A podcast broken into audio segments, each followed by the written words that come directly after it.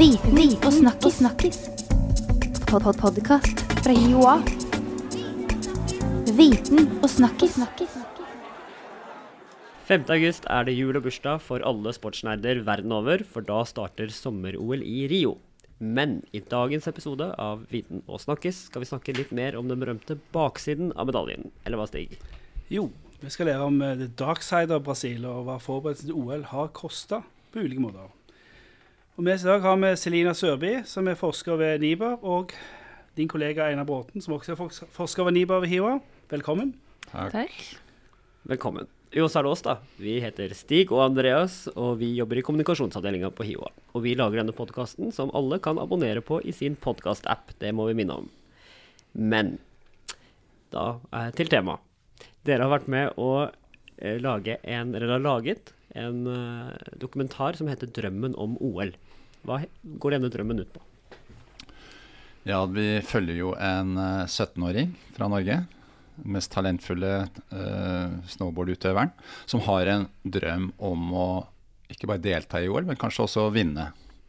Så det er den typiske sportslige, individuelle drømmen. Men så er det også en mer eh, kollektiv drøm. Og den er særlig knyttet til, eh, til eh, de som eh, etablerte olympiske leker da, i 1896. Pierre de Coubertin og hans eh, kompanjonger. Og de drømte jo om å unngå krig. Det var jo da som nå jordas eller klodens største problem. Og de så på olympiske leker som, en, som et siviliserende tiltak for å fremme fred og brorskap mellom folkene, og at en skulle finne andre måter å konkurrere på og ha kappestrid på enn den voldelige militære. Så den ligger jo under. Og av og til så dupper den opp til overflaten, særlig ved festlige anledninger. Så får vi da høre om de olympiske visjoner og, og, og olympiske verdiene. Så vi, i denne filmen så prøver vi å gripe begge deler. Både den individuelle knytta til ungdommen og til hele verdenssamfunnet. Hva er det vi egentlig vil med disse enorme arrangementene? Og hva er det man vil med dette enorme arrangementet i, i Rio? Ja, nå kan man vel si rent kynisk at det man vil, er å tjene mest mulig penger. Men skiller Rio seg fra, fra tidligere arrangementer i så måte, eller er det bare blitt en forsterka versjon av de Skiftet startet jo i, eh, på 1980-tallet. Det var særlig Los Angeles-lekene 1984. Det var de første lekene som gikk med gigantisk milliardoverskudd pga. Eh, eh, systematisk satsing på sponsorer og eksponere produkter. Coca-Cola, McDonald's osv. Eh, før det så var eh, olympiske leker et eh, gigantisk gje- gjeldssluk. F.eks. Montreal, som hadde olympiske lekene i 1976, det ble, de ble ikke kvitt gjelden sin før langt ut nå på 2000-tallet. Og, og før det også så var jo, var jo olympiske leker kun for amatører, sånn at de beste idrettsfolkene, de profesjonelle, var jo utestengt. Sånn at den hadde ikke den samme kan vi si, verken sportslige eller ikke minst kommersielle eh, verdien da, før, eh, før eh, 1984. Så sammen med da Samaranch, som da var, eh, ble, var den nye IOC-presidenten, altså lederen for den internasjonale olympiske komiteen, han jobbet jo veldig tett sammen med uh, merkevarer som Adidas osv. Og, så og sammen med Fifa på å gjøre disse megasportsarrangementene til eh, eh, kanskje den største globale melkekuen en kan tenke seg. Men hva skjedde når du flytta alt dette her eh, til Brasil? da? Fikk det en ekstra omdreining? Altså, for jeg har hørt mye nå om, om eh, brudd på menneskerettigheter i forhold til forberedelsene. Altså, er det noe i den brasilianske kulturen som har gjort dette enda verre da, enn det har vært tidligere? Altså, om det har blitt verre i Brasil, jeg vet ikke. Eh, Du har jo hatt et fokus også på at OL skal bidra til en slags eh, sosial utvikling gjennom eh, fokus på en etterarv eller en legacy etter OL. Og det har også Rio lovet der med sine leker. Um, at eh, OL i Rio skulle bidra til å utjevne noen av de store sosiale forskjellene som du har i byen. På mange måter det- så kom jo idealismen tilbake igjen med Ja. OL I Rio? i Rio. Ja, riktig. Ja. Det var løftet, altså president Lula, som jo da var den venstreorienterte og ekstremt populære og, og visjonære presidenten som jo ledet an med dette her. Og, så, så, dette skulle jo da bli olympiske leker som skulle inkludere hele befolkningen og skape varige forbedringer for hele befolkningen. Ikke bare i Rio de Janeiro, men i hele Brasil. Det var jo løftene. Mm. Apropos hele befolkningen. Du Selina, du bor jo i Rio, eller i Brasil, Mm. nå, og gjør feltarbeid i en favela. Ja. Hvordan, eh, hvordan ser OL ut fra det perspektivet?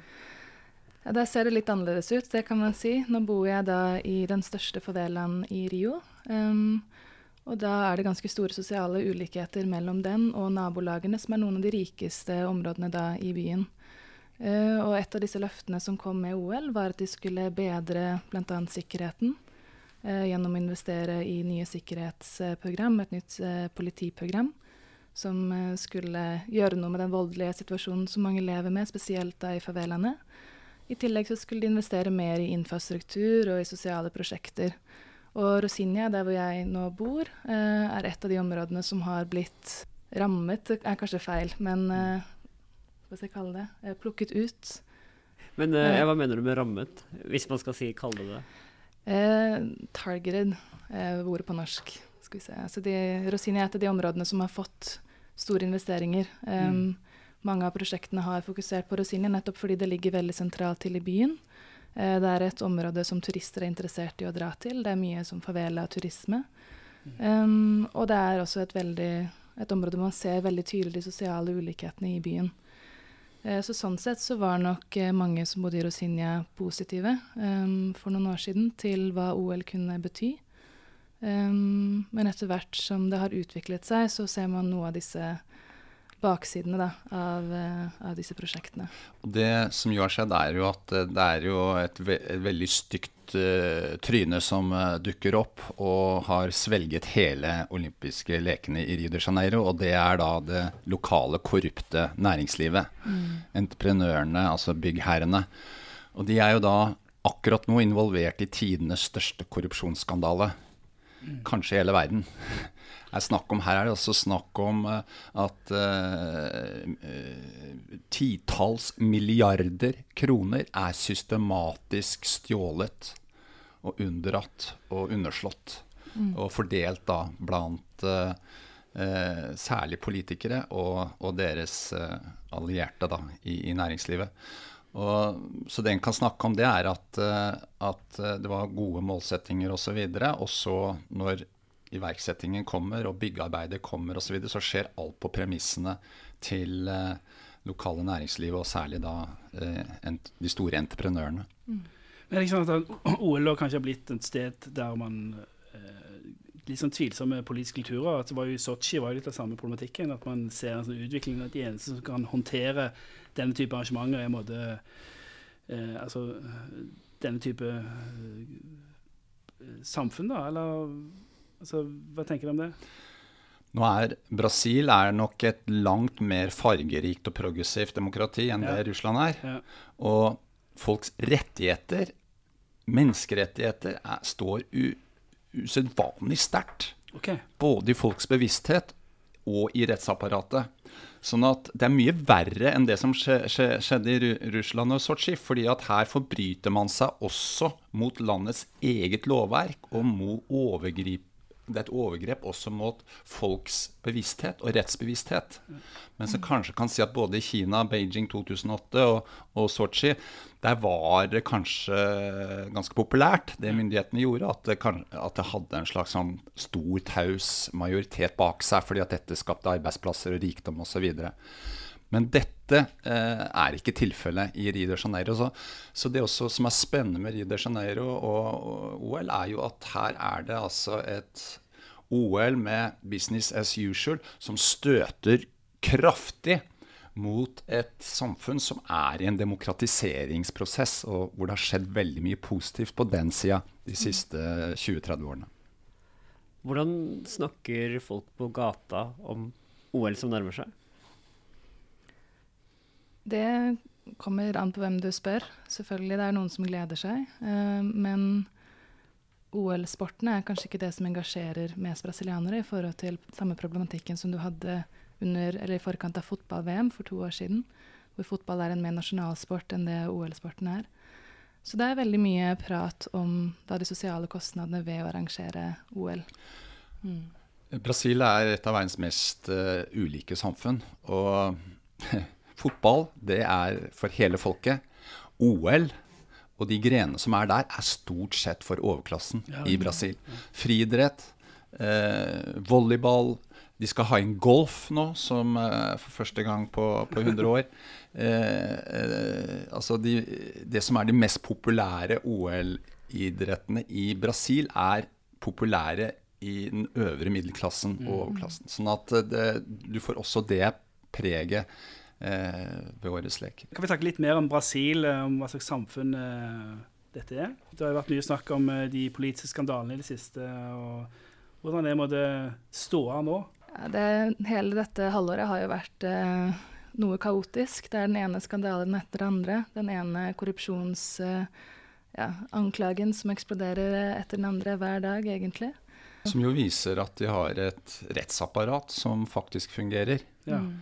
Så igjen en stor forskjell bare fra alle, de fleste andre landene som har hatt uh, OL. Dette det, er ikke uavhengig av OL. Sånn, dette er en skandale som ruller og går. Uh, OL har ikke hatt noen innvirkning på, på disse skandalene, eller? Uh? Nei, så Du har jo noen av disse utbyggingene i forhold til OL som også er involvert i denne korrupsjonsskandalen, som egentlig handler om uh, ulovlig finansiering av valgmidler. Det var slik det startet. Og når den nå har begynt å rulle seg opp, så ja, så er det også noen av de eh, investorene som har vært med eh, på OL-prosjektene, eh, som er anklaget da for og ulovlig finansierte politikere som nå har falt eller står i fare for å falle. Bare et eksempel. altså Maracana, det berømte fotballstadionet, det var jo et fantastisk verneverdig klenodium. Det ble jo revet. Eh, og bygd opp på ny etter krav fra Fifa for å ha såkalt Fifa-standard. Det kostet da 2,5-3 milliarder kroner. Entreprenørene der er involvert i nåværende skandalene, og han som var hoved, uh, hovedmann der, altså Gutierrez, har fått 15 års fengsel. Og en av de tingene han er blitt dømt for, det er bestikkelser i forbindelse med Maracana-oppussingen. Og det begynner å komme eh, ganske mange saker nå som antyder at det blir masse korrupsjonsoppvask etter OL. Mm. Men eh, antagelig så er det flere som prøver å sette dette litt bak i køen. Det er nok av andre saker å ta, og at man kanskje tar fatt på det etter at Rio-OL er over. Og Dilma Rousseff, presidenten, har det vært mange overskrifter over, om i norske medier. Hva, hva, er det hun er beskyldt for, og hva, hva skjer med henne nå? Offisielt så står hun anklaget for å ha pyntet litt på budsjettene eh, før valget i 2014, hvor hun ble gjenvalgt med en relativt eh, liten margin. Eh, så det er den offisielle anklagen. Eh, samtidig så er det mange som knytter dette opp mot den korrupsjonsoppvasken som går nå, og som selv om ikke Dilma selv er anklaget for korrupsjon, eh, så er det mange da i PT, partiet hennes, for så vidt også andre partier, eh, men som har blitt tiltalt for korrupsjon. Eh, så dette brukes da som et argument at nå trenger vi en korrupsjonsoppvask i Brasil, og at Dilma som president og også som styreleder i Petrobras, dette statlige oljeselskapet, i perioden hvor mye av dette skjedde, er ansvarlig og er involvert. Mm. Men det på mange måter det, er, det, har vært et veldig skittent spill. Fordi at det som har skjedd her, er, for å si det veldig kort, det er at de mest korrupte politikerne, som har, eh, er, mest i søkelyset, de har konspirert, de har gått sammen for å kaste Dilma. Mm. For de som eh, da partilederen til det nye regjeringspartiet som har overtatt, det er blitt avslørt at han har sagt da i en telefonsamtale at her gjelder det å få slutt på denne korrupsjonsoppvasken, Lavachato, før, før, vi alle blør. Og derfor må vi, må vi bli kvitt president Dilma. Fordi president Dilma eh, lot dette gå og støttet, og under henne så har det blitt kraftige økte fullmakter til det politiet og, og de myndighetene som etterforsker korrupsjon, og, og, og hardere straffer osv. Så videre. sånn at dette har faktisk Dilma oppmuntret. Så, det, så, det, er en veldig, veldig paradok, paradoks, eller for å si det veldig urettferdig, at uh, Dilma på en måte får uh, skylden for korrupsjonsskandalene, og at hun brukes som syndebukk. Mm. Jeg tror det er veldig viktig å skille dette her, at her er det et politisk mm. spill hvor rett og slett det er da en Eh, problemet er at hun ikke har flertall i Kongressen, og det er da et mer, stadig mer høyreorientert og konservativt flertall i Kongressen som klør etter å bli kvitt uh, Dilma, som da er venstresidens president. Men er dette en del av debatten i Brasil også? Dette spillet? Absolutt. Ja. De har jo 80 millioner mennesker på Facebook. Det er jo et, etter USA kanskje verdens største Facebook-samfunn. Og det er jo enorm informasjonsutveksling mye er jo rykter, mye er jo løgn. Det er jo problemet. Men det, det, faktisk så er det som også er interessant med det som skjer nå, er at uh, eh, pga. de sosiale mediene så får folk tilgang til informasjon. Ja. Før så var jo informasjonen monopolisert rundt et uh, konsern som heter Globo. Det er verdens største medieselskap, som har monopol både innenfor uh, TV og, og online-tjenester, og har også største avisen i, i Rio de Janeiro. Men nå er det monopolet til dette, dette private monopolet er nå, nå undergravd. Så det er også en del av bildet. Apropos alle disse menneskene. Eh, Brasil er jo et av, større, et av, verdens største land og største økonomier. Mm. Og dere kjenner Brasil veldig godt.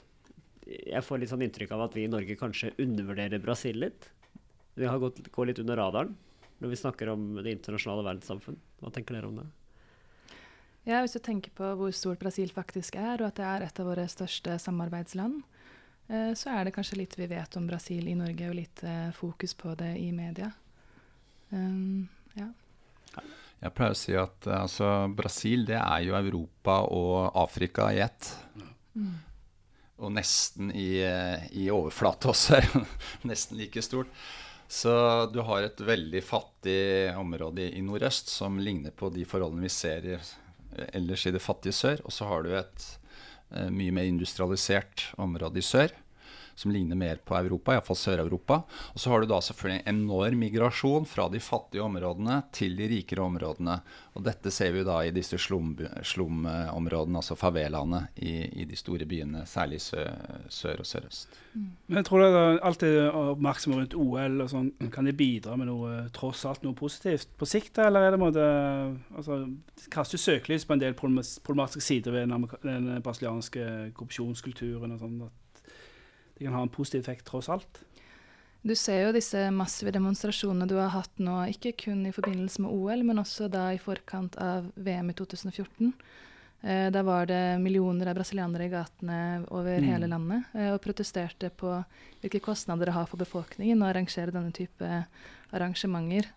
Eh, og det ser du at fortsetter nå frem mot OL, så sånn sett så kan det bidra kanskje til å ta den debatten som er nødvendig å ta. det. Jeg har en kollega i Sa Paulo som eh, ser parallell mellom den arabiske våren og det som skjer i Brasil. Forskjellen er jo at Brasil allerede er et demokrati. Ja. Mm. Så du får ikke de Vi får iallfall håpe at de ikke får eh, de konsekvenser vi f.eks. har sett i Egypt, da, hvor, eh, hvor eh, si, de reaksjonære kreftene og militæret på en måte har slått tilbake og reetablert diktatur.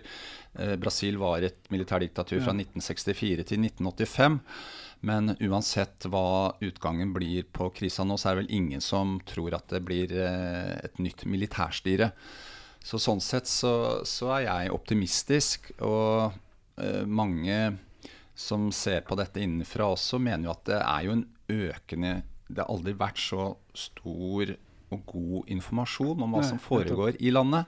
Og det er en sterk bevissthet blant folk flest om hva, hvilke rettigheter de har, hva de har å tape på f.eks. at uh, en sterkt høyreorientert regjering nå har tatt over og er i ferd med å kutte ut nesten alle interessante og, og viktige programmer for folk flest. Det som jo har preget Brasil siden 2003 da, da, fagforeningslederen Lula og lederen for Arbeidernes parti, Arbeiderpartiet, altså da Lula overtok, så har PT, altså Arbeidernes parti, vært det viktigste partiet i Brasil. Egentlig det eneste fungerende demokratiske partiet med, med si, massemedlemskap og, og, partidemokrati, og hvor de valgte til en viss grad er forplikta til et politisk program.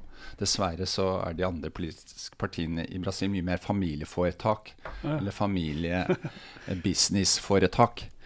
Eh, og så har da PT blitt veldig svekket, både av den økonomiske krisa som er nå, de har fått skylda for det, litt urettferdig. Og også korrupsjonsskandalene har de fått skylda, mens eh, det må man jo egentlig fordele ganske jevnt til alle de politiske partiene. Og så hva PT gjør nå, det som har skjedd er at PT har brutt den alliansen de har hatt med et sentrum-høyre-parti, PMDB. Det er PMDB som da har dolket Dilma i ryggen, og ja. dets uh, visepresident Temer som nå da er fungerende president. Så den, det ekteskapet, eller skinnhellige ekteskapet, det er nå oppløst, og PT nå søker igjen allianse med de sosiale bevegelsene og andre venstrepartier. Sånn at en kan forvente da en sterkere polarisering mellom høyre- og venstresiden i Brasil i, i, tiden som kommer, tror jeg. Altså, PT har jo òg vært prega av korrupsjon. For, uh, Absolutt. Ja, så det må det sånn, uh, ja. Men ikke, ikke, ikke mer enn de andre partiene. Det er viktig å få fram. Dette er et system uh, Dette er en systemfeil fordi at det koster så mye å drive valgkamp i dette landet, enorme landet. Og det er det er, det er, personvalg. Man må tilhøre et politisk parti for å lov til å stille til valg, men man stemmer på personer, og da må disse personene kunne eksponere seg maksimalt i massemedier osv. for at folk skal få med seg eh, hvem dette her er. Og, å, sånn at, og, da må man ha kjempemessige valgkampmidler, og mange tyr jo til alle mulige ulovlige knep for å få mest mulig penger. Særlig da penger som en kan bestikke folk med, bestikke organisasjoner, bestikke lokalsamfunn og sånn med, det er jo ulovlige penger. fordi at all pengebruk skal jo registreres. Sånn at uh, uoffisiell pengebruk, eller ulovlig pengebruk, det går jo da til å kjøpe stemmer, f.eks. Og det, det, er jo da en ting som må, det må bli slutt på. Det er jo også høyt oppe på, uh, på den politiske dagsordenen akkurat nå. Men dere, uh, Brasil kommer vi forhåpentligvis til å høre mer om. Men hva skal vi føle om dette OL-et? Eh, men jeg tenker eh, OL i Sotsji, det var eh, OL med bismak. Hva med dette? Det er absolutt et OL med bismak, dette også. Men samtidig så er det spennende å se på alt som skjer utenfor arenaen av protester og demonstrasjoner. Så mm. prøv å få med dere noe av det også, mm. og se på sporten og kos dere med det. Den uh, filmen vår 'Drømmen om OL', uh, der uh, hvis man ser den, så får man absolutt bismak når man ser uh, overføring fra den såkalte olympiske parken. Vi viser jo da hva som har skjedd med det, det, nabolaget ved siden av den olympiske parken, og hvordan de da har blitt trampet på og fordrevet. Helt ulovlig, helt i strid med, med Brasil og Rios egne, egne lover. Men eh, jeg er enig med Selina at eh, det kommer også til å skje masse interessant under OL. Så vi får bare håpe at journalisten journalistene og reporterne osv. Mm. som er der, ikke bare formidler det sportsidiotiske, men også de kulturelle treffene positive som skjer ved et sånt arrangement, og også hva, hvordan folk flest i, i, i, i Brasil og Rio ser på dette. Ja, Det er lov å håpe. Da skal vi følge med på litt av hvert, rett og slett. Takk for at dere var med her i dag. Vi må jo spørre, Skal dere se på sporten selv, eller er det bare Brasil dere følger med på ellers? Vi skal jo være der. Ja. ja. Og, så hvordan vi følger Vi kommer vel til å, å, smugle oss, lure oss inn på noen arrangementer. Men det er da ja, ikke for å heie og juble, men for å forske og observere. Alltid forsker. Veldig bra. Takk for at dere var med. Da minner vi igjen uh, på at alle må abonnere på podkasten for å få med seg episodene etter hvert som de kommer hver uke. Og Det gjør du også ved å søke på Viten plusstegn snakkis i din podkast-app. Og vi er snart tilbake med flere ting som du grubler på i lunsjen. Ha det bra. Viten og snakkis. snakkis. Pod -pod Podkast fra Joa. Viten og snakkis.